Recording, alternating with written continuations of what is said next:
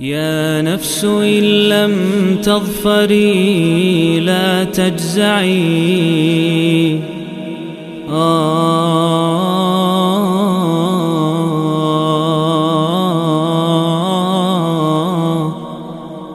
Bismillah Alhamdulillah wassalatu wassalamu ala rasulillahi amma ba'd Ini adalah lanjutan dari serial 114 hari Menyebut bulan Ramadan dan semakin dekat bulan Ramadan tersebut Dan kita sudah di surat Al-Kafirun Surat ke-109 Surat ini merupakan surat Makkiyah yang turun setelah surat Al-Ma'un sebelum surat Al-Fil. Surat Al-Kafirun terdiri dari enam ayat dan disebut dengan nama Al-Kafirun diambil dari ayat pertama Qul ya ayyuhal kafirun. Katakan, wahai Nabi, kepada mereka, wahai orang-orang kafir. Dan tema besar dari surat ini adalah berlepas diri dari kekafiran. Berlepas diri dari kekafiran. Dan uh, kekafiran itu sendiri atau kata kufur yang berasal dari huruf kaf, fa, dan ro, makna istiqaqinya adalah menutup. Menutup, ini orang kafir menutup atau tertutup hatinya dari kebenaran. Hatinya tertutup atau dia menutup. Dan pada akhirnya Allah SWT tidaklah menutup kecuali setelah mereka yang menutup sendiri memilih jalan tersebut jalan kekafiran dan istilah kafir istilah Islam istilah syar'i dan tidak ada unsur penghinaan di dalamnya karena kafir dimaknai tidak beriman pada Allah dan Rasulnya tidak ya, tidak beriman kepada rukun-rukun iman yang enam atau yang wajib diimani dari hal-hal selain uh, keenam poin ini dan pembahasan tentang kekafiran pun tersebar di banyak kitab-kitab para ulama sejak zaman klasik ya. Kita tahu dalam buku fikih ada pembahasan tentang murtad di dalamnya disebutkan hal-hal yang membuat seorang keluar dari Islam. Nasallallahu alaihi Seperti misalnya apa yang ditulis oleh Al-Imam Al-Laqani dalam Manzumah Jauharatut Tauhid. Wa man lima alumin daruratan jahat min dinina yuqtalu kufran laisahat. Karena siapa yang menentang sesuatu yang telah jelas dalam agama Islam, maka dia mendapatkan hukuman pidana akibat kekufurannya. Berarti salah satu pembatal keimanan hal yang membuat seorang keluar dari Islam menuju kepada kekafiran adalah menentang sesuatu yang telah jelas dalam Islam seperti menentang kewajiban sholat lima waktu, menentang kewajiban membayar zakat, menentang keharaman zina, keharaman homoseksual, keharaman riba dan sejenisnya.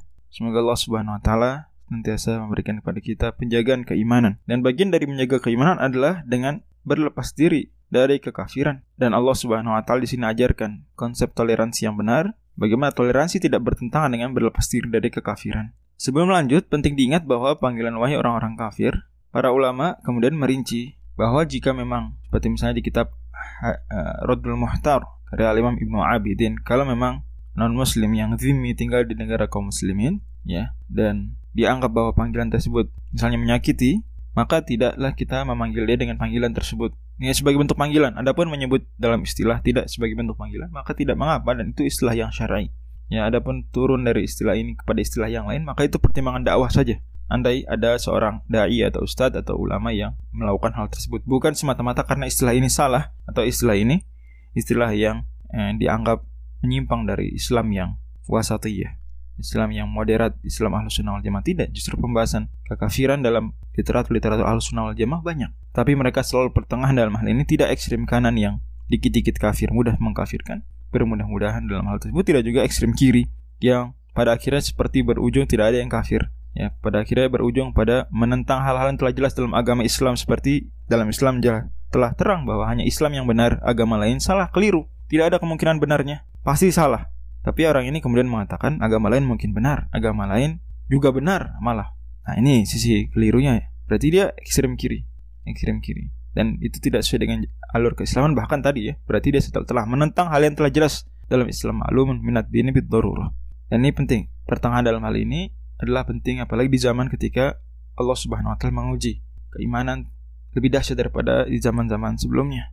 Kata Allah Subhanahu wa taala, "Qul ya ayyuhal kafirun," katakan wahai nabi kepada mereka dan panggilan ini atau diskusi yang akan ada di surat ini kan dia sifatnya perkataan kepada satu kaum. Itu karena mereka mengajak Nabi Shallallahu Alaihi Wasallam untuk setahun beribadah e, menyembah berhala mereka. Nanti mereka setahun beribadah menyembah Allah Subhanahu Wa Taala saja. Tawaran yang sekilas seperti menguntungkan tapi tidak. Justru itu bertentangan jelas dengan Islam. Bagaimana anda bisa ada masanya memperkenankan menyembah berhala hanya agar orang lain menyembah Allah semata.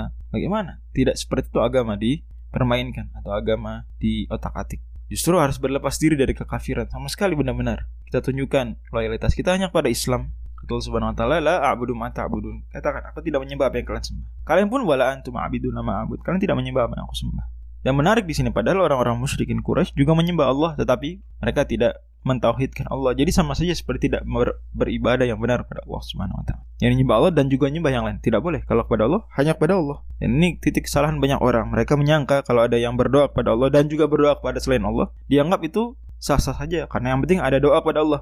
Jawabannya tidak. Harus kalau doa minta hanya kepada Allah Subhanahu wa taala semata. Adapun menggabungkannya dengan selain Allah maka itu bagian daripada hal yang terlarang bertentangan dengan ketauhidan wala wala ana abdu ma abattum wala antum abidna ma abud. Diulang dua kali masya Allah. Bahkan untuk yang uh, perkataan a'budu itu menggunakan fi'il dan wala ana abidun menggunakan isim. Artinya aku tidaklah di masa mendatang menyembah apa yang kalian sembah juga aku tidaklah sekarang dan dahulu-dahulu juga menyembah apa yang kalian telah sembah.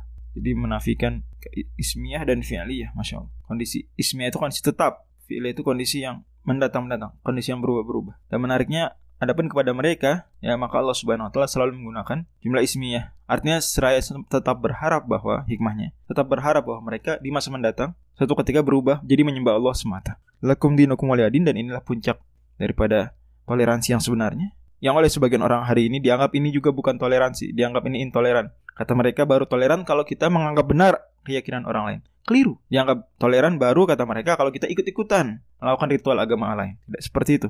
Lakum dinukum waladin, inilah toleransi yang sebenar-benarnya. Karena bagaimana Anda mau toleran kepada sesuatu yang Anda anggap benar?